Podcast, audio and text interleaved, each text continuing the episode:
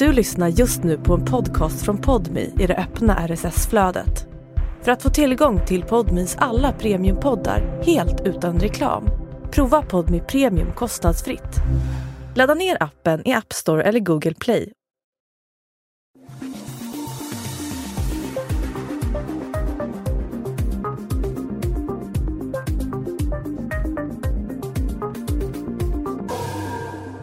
Våren 2009 får polis in en anmälan om en försvunnen person. Mannen som saknas är i 40-årsåldern och han har inte setts till sedan den 8 april. Hans anhöriga är oroliga och polisen inleder en utredning. De kollar igenom hans ekonomi, telefonaktivitet och ringer till sjukhus. Men ingenstans tycks man hitta några spår. Det vill säga inte förrän 20 dagar senare då en okänd man hittas död i närheten av ett gravfält i Vattholma. Det visar sig snart att den okända mannen är samma person som de letat efter.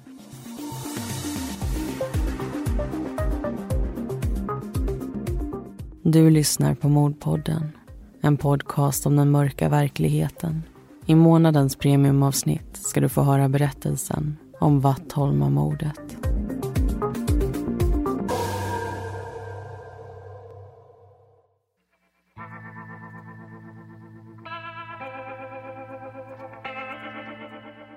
I april möts vi ofta av både regn och solsken. Det är en typisk vårmånad och i mitten hamnar en av våra högtider, påsken. Barnkinder målas rosigt röda och över näsor duttas mörka prickar. Det målas ägg, dekoreras med häxor och kycklingar, letas efter påskägg och dukas upp för middag. Långhelgen är ofta ett välkommet avbrott från skola och jobb. En tid att gå ner i varv och umgås med sin familj. 2009 har en syskonskara just sådana planer. De firar alla högtider tillsammans och står varann nära. Alla är vuxna och i 40 eller 50-årsåldern. Men stora systern Desta ser det ändå som naturligt att vaka över de yngre syskonen eftersom deras mamma är kvar i Eritrea. Varje år är det Desta och hennes man som är värdinna och värd. Det lagas mat och förbereds. När den utsatta tiden är kommen trillar syskonen in. Skaran består av två systrar och två bröder. Tre är bosatta i Stockholm och det är här de planerar att tillbringa helgen ihop.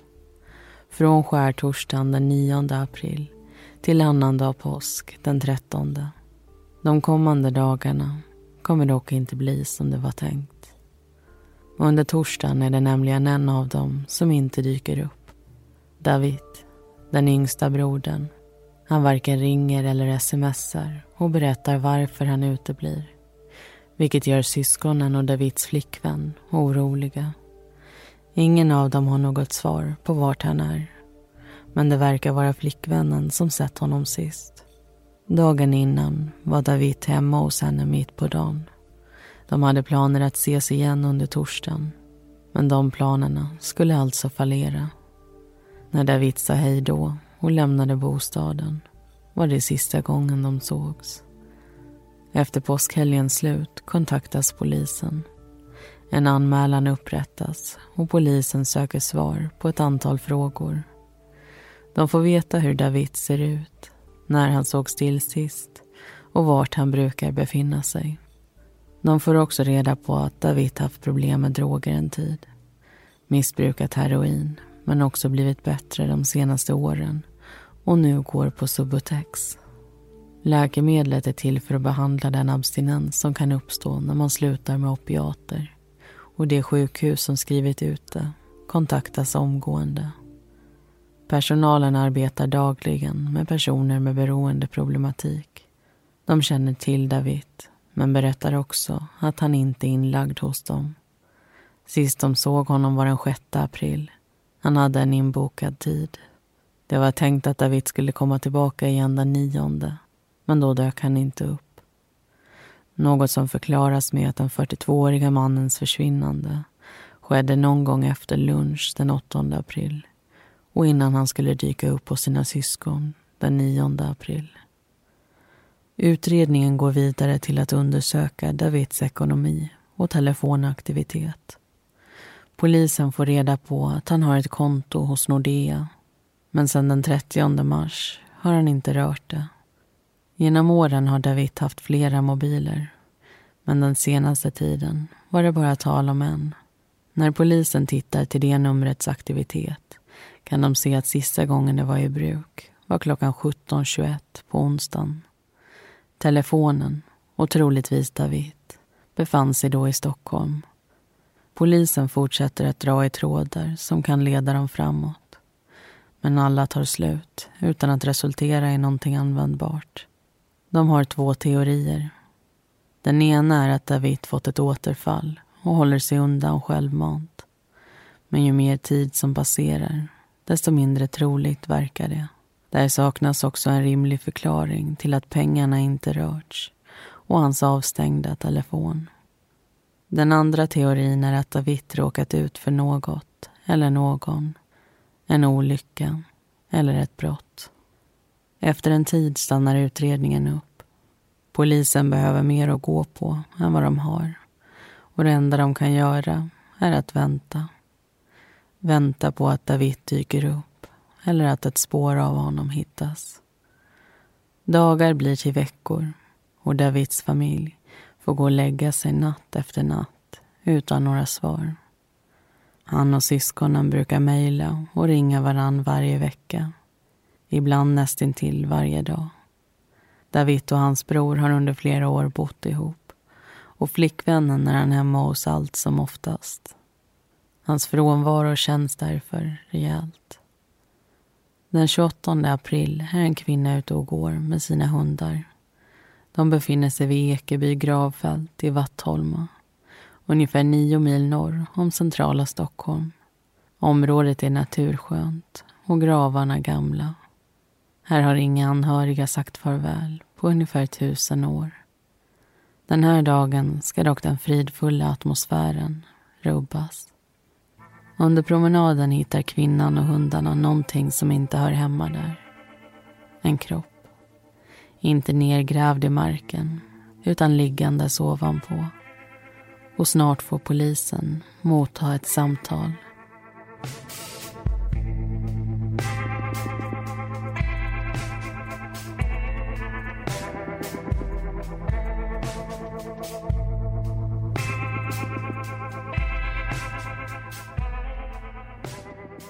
Då får vi välkomna er in i den första diskussionen om Vattholmamordet.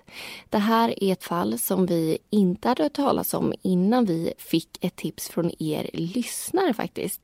Anledningen till att vi inte hört talas om det här är ju helt enkelt för att det inte blivit så uppmärksammat tidigare och då är det ju bra att ni kommer in i bilden. Och det är det jag gillar med den här premiumsäsongen som vi har, att vi tar upp det som ni lyssnare vill höra om, för det blir en så salig blandning utav det. Vissa av er vill ju veta mer om kända fall, kanske också nyare mordfall, där eh, man eventuellt vet hur det slutade men ändå vill förstå allt det som hände innan. Och andra är ju mer sugna på att höra om fall som man kanske inte vet så mycket om.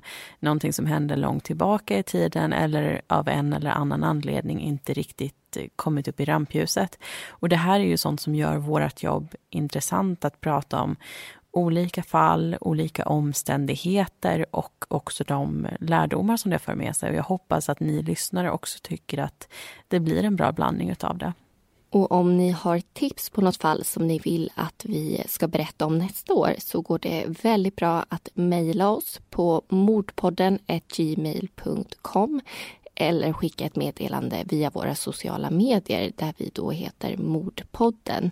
Och så lovar vi att göra vårt bästa för att lyfta de här fallen som ni vill att vi ska ta upp. Och det kan också vara så att ni kanske inte har ett specifikt fall men eh, däremot vill att vi ska prata mer om ett visst ämne eller någon viss typ av mordfall om ni vill ha mer äldre fall eller mer nyare fall eller ja, vad det nu kan handla om. Och då vill vi såklart veta det också så alla slags önskemål är såklart välkomna. Men eh, nu så ska vi prata om just det här mordet, Vattholmamordet som alltså börjar som ett försvinnande. Mm. Och vi har ju i tidigare avsnitt pratat lite om eh, hur polisen går tillväga när de får en anmälan om en försvunnen person.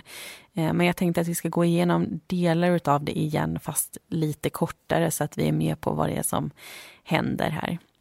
Och det finns ju ett säg om att man ska vänta 48 timmar innan man anmäler en vuxen person försvunnen. I alla fall om man ska tro filmerna. Men det ska man ju inte för det kan vi börja med att klassa som en myt. När en person försvinner så är varje minut, varje timme, varje dag viktig. Och därför är rekommendationen att man omedelbart pratar med polisen oavsett vilket land man befinner sig i. Och polisen i sin tur, de börjar Ryan Reynolds här från Mint Mobile. Med priset på nästan allt som går upp under inflationen, trodde vi att vi skulle bring våra priser down. So to help us, we brought in a reverse auctioneer, which is apparently a thing. Mint Mobile unlimited premium wireless. Ready to get 30, 30, bit to get 30, bit to get 20, 20, 20, bit to get 20, 20, bit to get 15, 15, 15, 15 just 15 bucks a month. So, Give it a try at mintmobile.com/switch. slash $45 up front for 3 months plus taxes and fees. Promo rate for new customers for limited time. Unlimited more than 40 gigabytes per month slows. Full terms at mintmobile.com. med att utreda vem personen är, vad omständigheterna kring eh, försvinnandet också säger. Och det beror på att försvinnanden är olika och också kräver olika tillvägagångssätt. Om ett barn försvinner till exempel så läggs det väldigt stora resurser väldigt tidigt och det är ju såklart förståeligt eftersom de inte har samma förutsättningar att klara sig på egen hand som en vuxen har. Och förutom ålder så tittar man också till sjukdomar, både psykiska och fysiska. Man kollar på bakgrunden. Vissa har till exempel en tendens att försvinna gång på gång. Och det är ju någonting som man i så fall bör vara medveten om. Och sen går man då vidare med utredningen. Och beroende på vad som hänt så kan det handla om att ringa runt och prata med sjukhus eller kolla upp ekonomi till exempel. Och det gör man ju alltså i Davids fall. Mm. Sen är det ju viktigt att också komma ihåg att många försvinnanden, de har ju ingenting med ett mord eller överhuvudtaget brott att göra. Det är ju dock ett fåtal som har det. Och någonting som vi ofta får en anledning att prata om i vår podd, det är ju det här med sökinsatser. Det vill säga när polis och ofta även allmänheten ger sig ut tillsammans och letar efter en individ eller någon form av bevisning till ett fall. Och det här är ju ingenting som man gör i Davids fall. Utredningen där går ju framåt på andra håll. Polisen söker ju efter honom, absolut, det gör de. De beger sig till platser där de vet att han har vistats på. Eh, och de tittar ju också efter elektroniska spår som han har lämnat. Men en sån här sökinsats blir ju inte av och varför är det då så? Det har helt enkelt att göra med omständigheterna. Man vet på ett ungefär när David försvinner men inte alls var. Han bor i Stockholm och det kan ha hänt honom någonting där men det kan också vara någon helt annanstans. En sökinsats med de förutsättningarna i en så stor miljö skulle troligtvis inte leda till några resultat och därmed också vara ett slöseri med resurser. Och därför tvingas man vänta. Man vet alltså för lite för att kunna göra en bra sökinsats. Och det måste vara så oerhört jobbigt, tänker jag, för de anhöriga att sitta där och veta att ingenting händer. Att man inte kan göra någonting just nu, även om man säkert vill göra så mycket. Och både du och jag, Amanda, vi har ju syskon. Och jag tror att alla som har syskon kan åtminstone gissa sig till hur det skulle kännas om de en dag bara försvann. Och jag tror att ovissheten om vad som har hänt dem skulle vara olidlig. Ja, och jag tänker att Eh, som anhörig så vet man förmodligen om det finns anledning att oroa sig eller inte när personen inte dyker upp när det var tänkt eftersom man faktiskt känner den här personen och vet hur den brukar agera. Mm. Och 20 dagar efter att David lämnat sin flickväns bostad hittas alltså en kropp nio mil norr om Stockholm. Den kommer snart identifieras som Davids och sökandet efter honom får då också ett slut. Och vi ska in i berättelsen nu och lyssna till hur den här utredningen går vidare efter den här hemska upptäckten.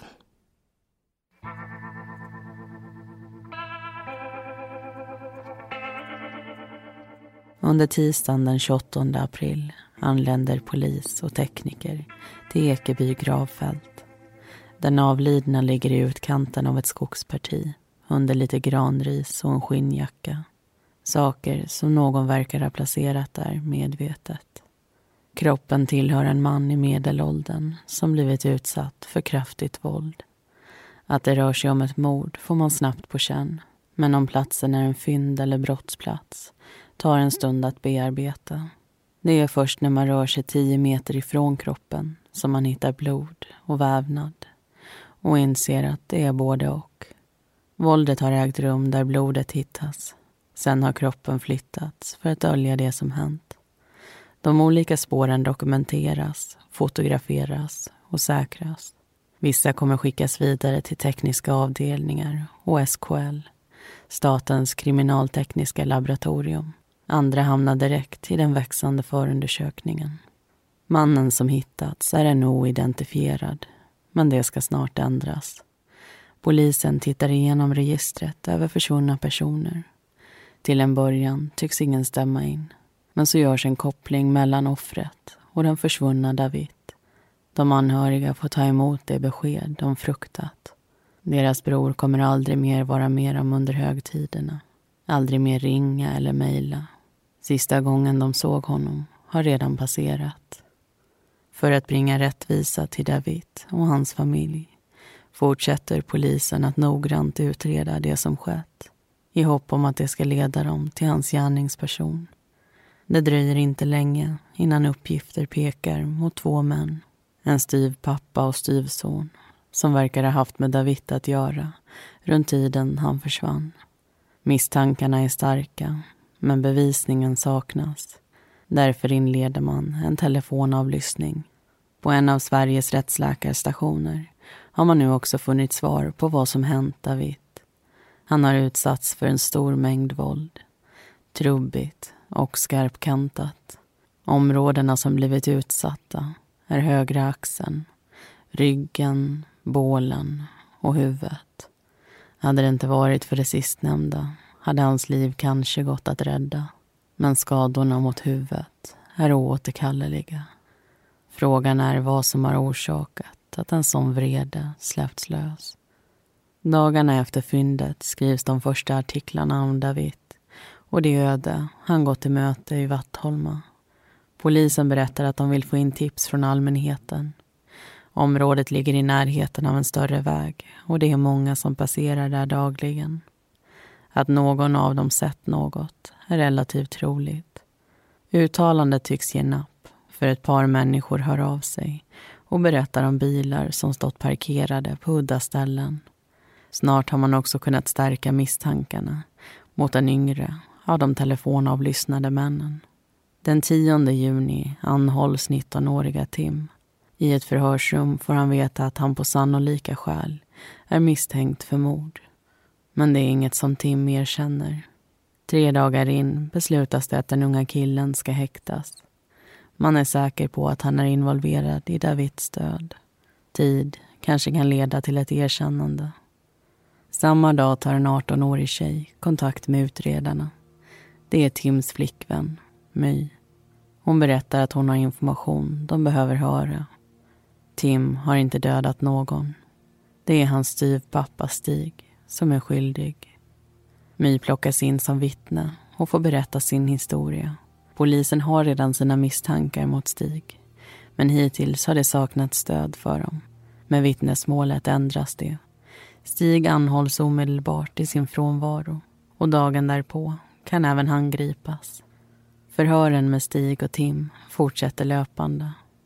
Båda hörs om Davids mord och försvinnande. Men till en början har ingen något att säga. När Tim inte självmant öppnar upp väljer polisen att berätta att My var där. Tim fortsätter dock att tiga tills förhöret är över. Men den 3 juli så är det han själv som vill prata. Orden som lämnar hans läppar spelas in och kommer senare transkriberas. Men för stunden är det bara upp till förhörsledarna att lyssna. Tim föds i början av 90-talet och växer upp med sin mamma. När han bara är några år gammal kommer en man in i deras liv. Stig. Han flyttar in och tar på sig rollen som Tims pappa. Den unga killen ser upp till honom. Och även när förhållandet med mamman tar slut fortsätter styvpappa och styvson att hålla kontakten. Tims liv tar en vändning när han är 11 år och börjar med droger. Ett missbruk som bara ska fortsätta. När Tim är 18 år knackar han på hemma hos Stig och frågar om han får bo där. Styvpappan säger ja. Den pappa han känt i sin ungdom är dock borta. Stig, likt honom själv, har haft det tufft. Styvpappan har nyligen mist sina två döttrar och det har satt djupa spår. Stigs vardag består av kriminalitet och missbruk. Han verkar inte längre bry sig om någonting. Tim inser snart att det också gäller honom. Relationen mellan de två blir spänd. Tim vill göra rätt för sig och känner att han har en tacksamhetsskuld till styvpappan. Något som Stig väljer att använda till sin fördel. Han vill att Tim ska sälja tabletter för att bidra med pengar till hyran. Och den 18-åriga killen känner att han inte kan säga nej. Styvpappa och son säljer droger, missbrukar och driver in skulder ihop. Det är aldrig tal om något våld. Men Tim lägger snart märke till att flera uppfattar Stig som obehaglig och hotfull. Ett anseende han på något sätt måste ha förvärvat. Den 8 april 2009 sätter sig Stig och Tim i styvpappans röda Volvo och kör in till centrala Stockholm. De har stämt träff med en man som heter Marcus. Tanken är att byta några telefoner mot tabletter. Men under samtalet på puben kommer de också in på någonting annat. David. Stig berättar att den 42-åriga mannen är skyldig honom pengar. Head over to Hulu this March where our new shows and movies will keep you streaming all month long. Catch the acclaimed movie All of Us Strangers starring Paul Mescal and Andrew Scott. Stream the new Hulu original limited series We Were the Lucky Ones with Joey King and Logan Lerman. And don't forget about Grey's Anatomy. Every Grey's episode ever is now streaming on Hulu. So, what are you waiting for? Go stream something new on Hulu. Hey, I'm Ryan Reynolds. At Mint Mobile, we like to do the opposite of what Big Wireless does. They charge you a lot, we charge you a little. So naturally, when they announced they'd be raising their prices due to inflation, we decided to deflate our prices due to not hating you. That's right. We're cutting the price of Mint Unlimited from $30 a month to just $15 a month. Give it a try at mintmobile.com slash switch. $45 upfront for three months plus taxes and fees. Promo rate for new customers for limited time. Unlimited more than 40 gigabytes per month. Slows. Full terms at mintmobile.com. Ungefär 6 000 kronor. Skulden är mer än två år gammal. Men några kontanter har han ännu inte sett röken av. Diskussionen leder till handling och de bestämmer sig för att söka upp David samma dag. Alla tre hoppar in i bilen och Stig styr mot Sergels torg, också kallat Plattan. När de är framme kliver Tim och Marcus ur. De letar upp David, som mycket riktigt är där och ber honom följa med dem till bilen. David hoppar in i passagerarsätet fram, bredvid Stig medan Tim och Marcus sätter sig där bak. De åker iväg och kör planlöst genom Stockholm medan de pratar. Till en början är stämningen vänskaplig. Men när Stig kommer in på skulden förändras det. Plötsligt får David motta två slag från honom. Han förklarar att han ska fixa fram Stigs pengar och situationen tycks lugna sig. Men så trappas det upp igen när Stig förklarar att han har en pistol och Marcus trycker något mot Davids rygg. Det är dock bara tal om hot och någon pistol syns aldrig till. Till slut har Marcus fått nog och ber att bli avsläppt. När sällskapet minskar till tre åker de hem till Stig. Styvpappan går in i bostaden medan Tim och David väntar utanför. När Stig är tillbaka åker de igen. Tim får ta över ratten medan styvpappan navigerar honom mot Uppsala. Den lugna stämningen byts ut ännu en gång när Stig plockar fram ett baseballträ och börjar slå. Han säger åt Tim att stanna och den unga killen kör åt sidan. Styvpappan byter ut baseballträet mot en batong och tar med sig David ut. Tim vågar inget säga. När de sitter i bilen igen lägger han märke till att det blivit mörkt. Lyktorna är en av få ljuskällor som lyser upp deras väg. Efter en stund är de framme i Vattholma. De vänder av från den större vägen och kör tills de når en vändplan. Tim parkerar. Han har aldrig varit här förr. Men platsen ska snart förknippas med Davids död. Medan Tim befinner sig vid bilen ser han hur David plötsligt flyr. Han försöker springa därifrån men kommer inte längre än 10-20 meter innan styvpappan är ikapp. Tim hör skrik och trots mörkret ser han hur de brottas på marken. När det tycks över säger Stig åt honom att komma och hjälpa till. Tim styr motvilligt stegen mot styvpappan. Snart kan han se vad som vilar i hans händer. En fällkniv med ett trähandtag. Tim undviker att fästa ögonen på David, rädd för det han ska se. Han vill inte hjälpa Stig med det som måste hända nu. Men han vågar heller inte vägra. Tim säger därför att han inte har några handskar. Medan Stig går igenom Davids fickor går han självmant iväg och plockar ihop lite granris. Under tiden går Stig tillbaka till bilen och hämtar en hammare. Tim tittar bort när styvpappan är i närheten av David igen. Men dunsarna kan han inte undvika att höra. Han förstår att David inte längre är där. Det som ligger på backen är bara ett skal.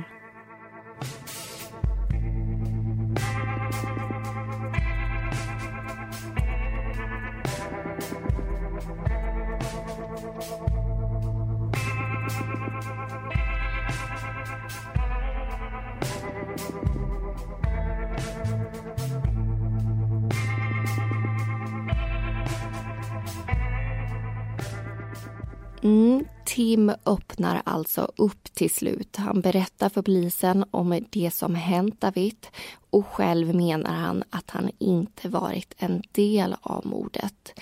Den här berättelsen kommer fortsätta efter diskussionen. Vi kommer få veta vad som händer efter mordet, vad Stig har att säga och även den rättsprocess som det här leder fram till.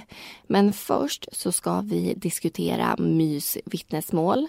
Vi ska diskutera relationen mellan Stig och Tim och om en detalj i utredningen som är lite svår att fastställa.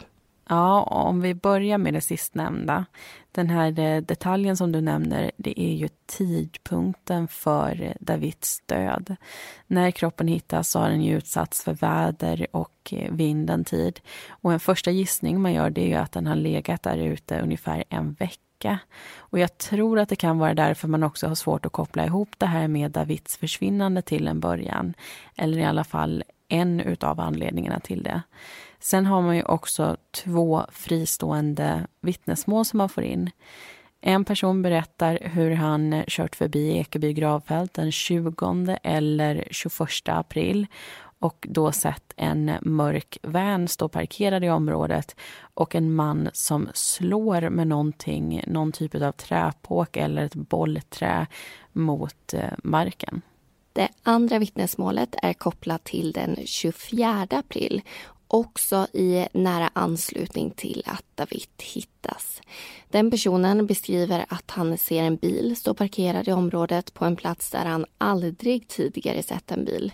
Det är runt fem eller sex tiden på kvällen och den här personen åker även förbi platsen igen mitt i natten. Och då ser han en annan bil där och två män varav en ser ut att böja sig ner för att fylla på med bensin.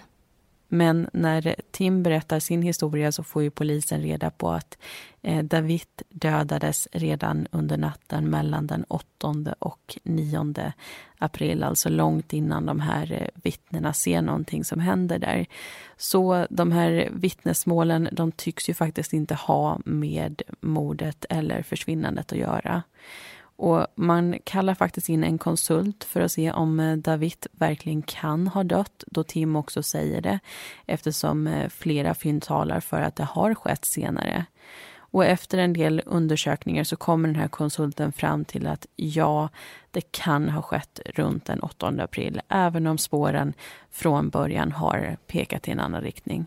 Och det betyder att Tims berättelse nu också har stöd i den tekniska bevisningen. Något som kan vara av stor vikt i en utredning. Och en annan sak som får en stor roll i det här fallet det är Mys berättelse.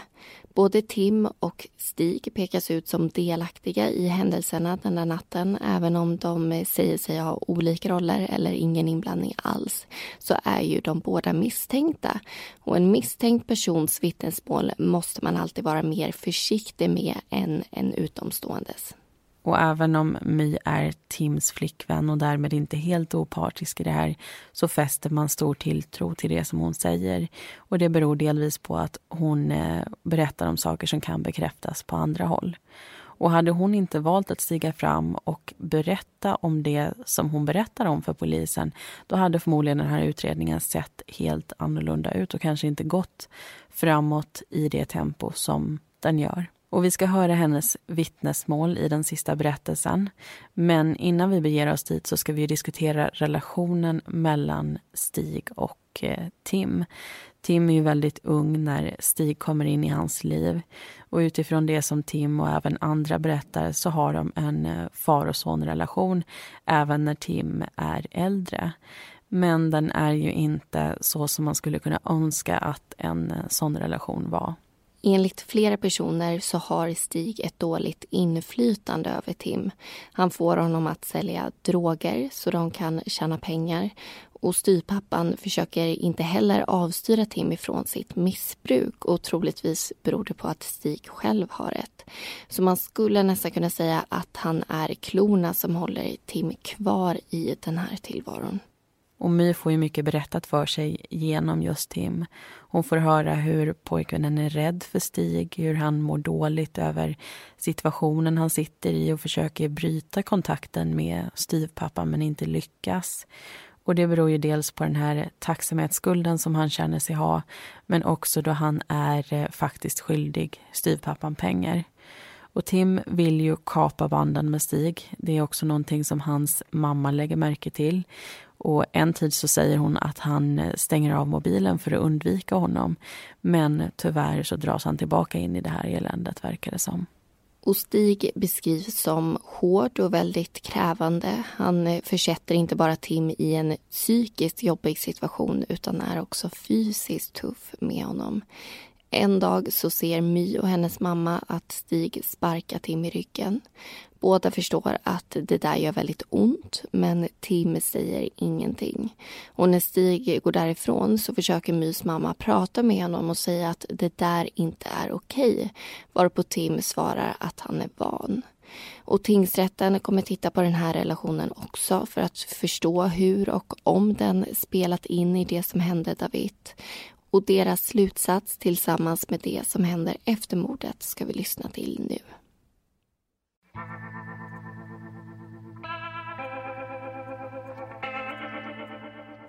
Efter att Davids kropp gömts undan sätter sig Stig och Tim i bilen. Styvpappans jacka har blod på sig och sonen stoppar i sig några tabletter. De kör i ungefär en timme till en bekant i Enköping. Där tillbringar de natten och tvättar den röda Volvon. Tim torkar av instrumentbrädan och ena dörren. När de är klara åker de tillbaka mot Stockholm. Vid Liljeholms Head over to Hulu this March, where our new shows and movies will keep you streaming all month long. Catch the acclaimed movie All of Us Strangers, starring Paul Mescal and Andrew Scott. Stream the new Hulu original limited series We Were the Lucky Ones with Joey King and Logan Lerman. And don't forget about Grey's Anatomy. Every Grey's episode ever is now streaming on Hulu. So, what are you waiting for?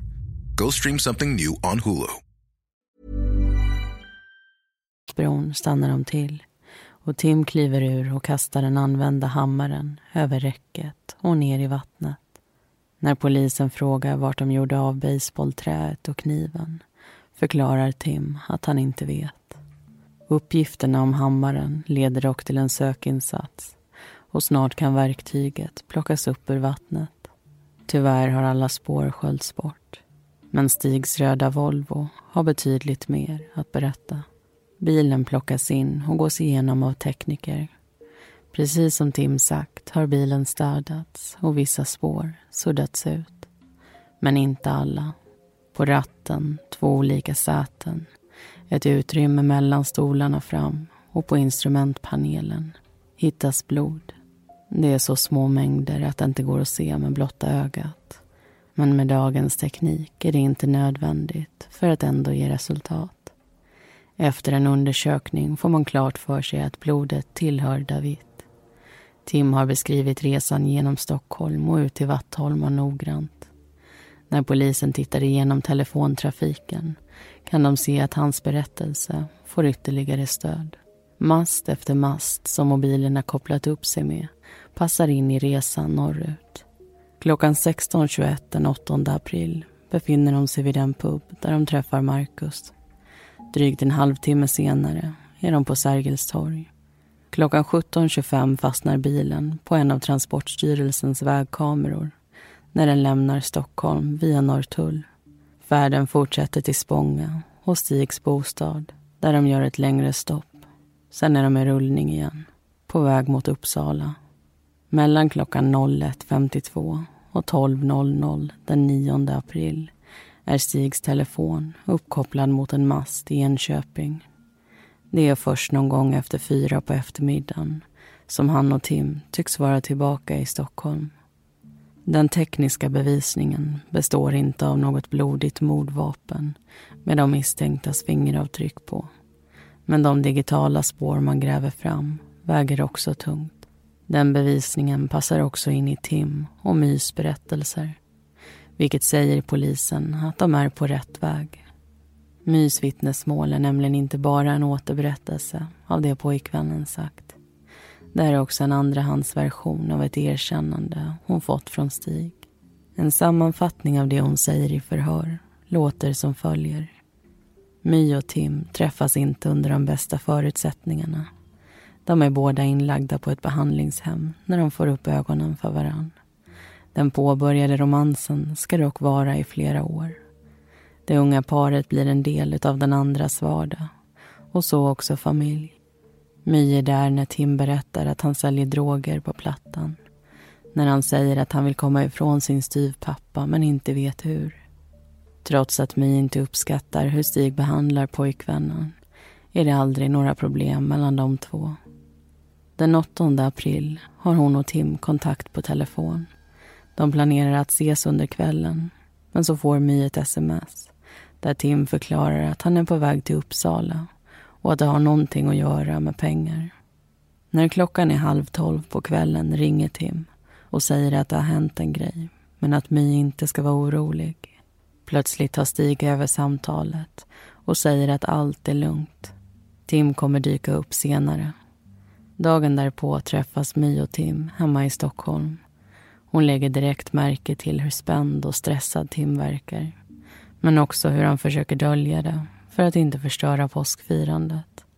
Samma kväll svämmar dock de där undantryckta känslorna över.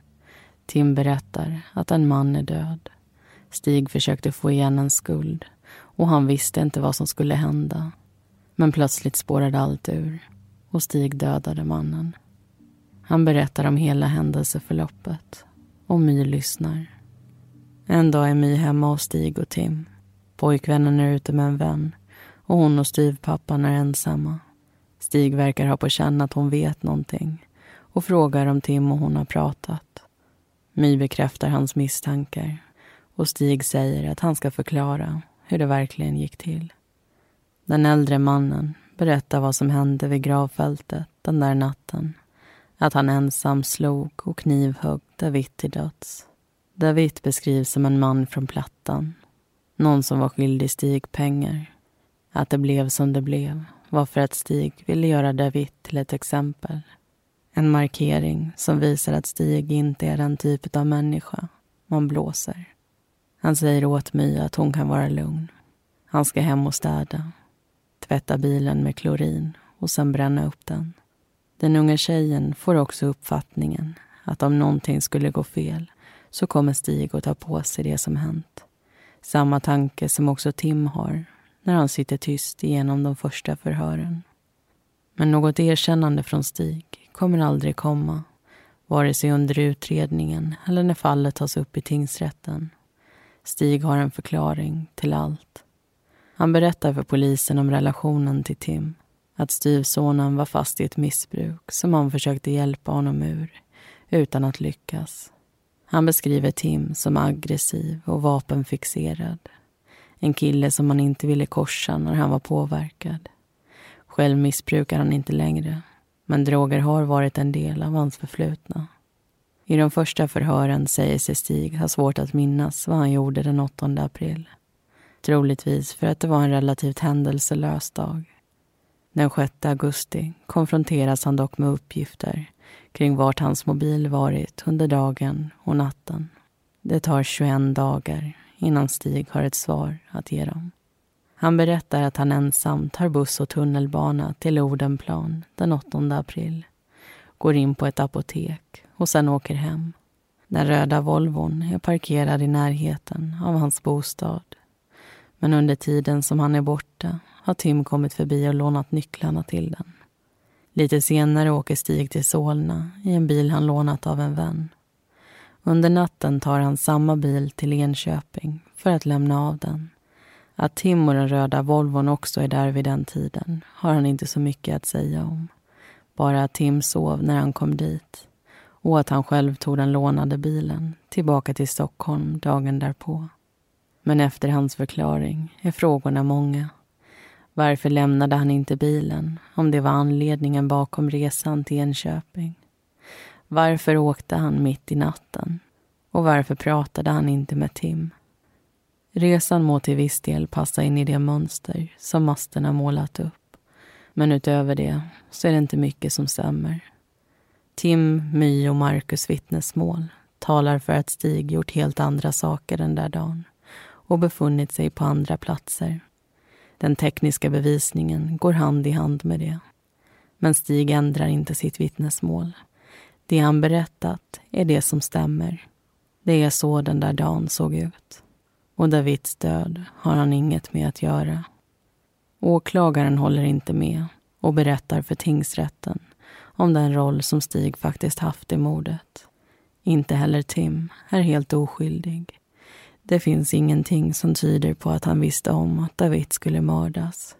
Men han gjorde heller inget när den 42-åriga mannen misshandlades gång på gång.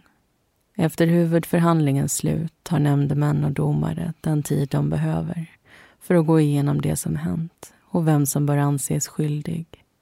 De kommer fram till att My lämnat en sanningsenlig berättelse och att Tim varit trovärdig.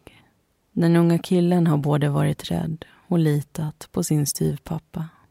Han har försökt komma ifrån honom utan att lyckas och Stigs roll i Tims liv har onekligen påverkat hans beslut. Efter mordet har händelserna plågat Tim. Han har hjälpt polisen och de anhöriga att få svar. Stig däremot har nekat till allt. Men bevisningen slår hål på hans lögner. Våldet han utövat är så grovt att man inte bara finner honom skyldig till mord utan också ger honom livstidsfängelse. Tim döms han med för bland annat grov misshandel. Påföljden där är dock mycket mildare. Rätten anser att det är skyddstillsyn och vård som han behöver. Beslutet överklagas och under hösten 2009 gås fallet igenom igen. Den här gången i Svea hovrätt. Dagen innan julafton meddelas den nya domen. De håller med om att Stig är skyldig och att brottet är grovt men sänker påföljden till 18 års fängelse.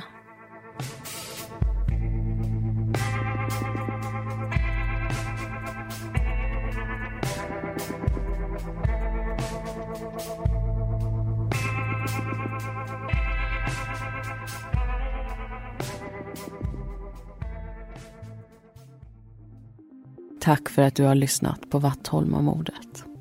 Alla heter egentligen någonting annat och informationen är hämtad ifrån domarna och artiklar ifrån Aftonbladet och Expressen. Nästa månad ser vi tillbaka igen med ett nytt premiumavsnitt. Missa inte det.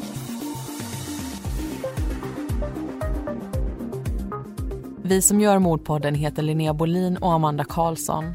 Bakgrundsmusiken består av låtarna Lasting Hope, Lightless Dawn och Soaring av Kevin MacLeod samt Deep Space av Audionautics.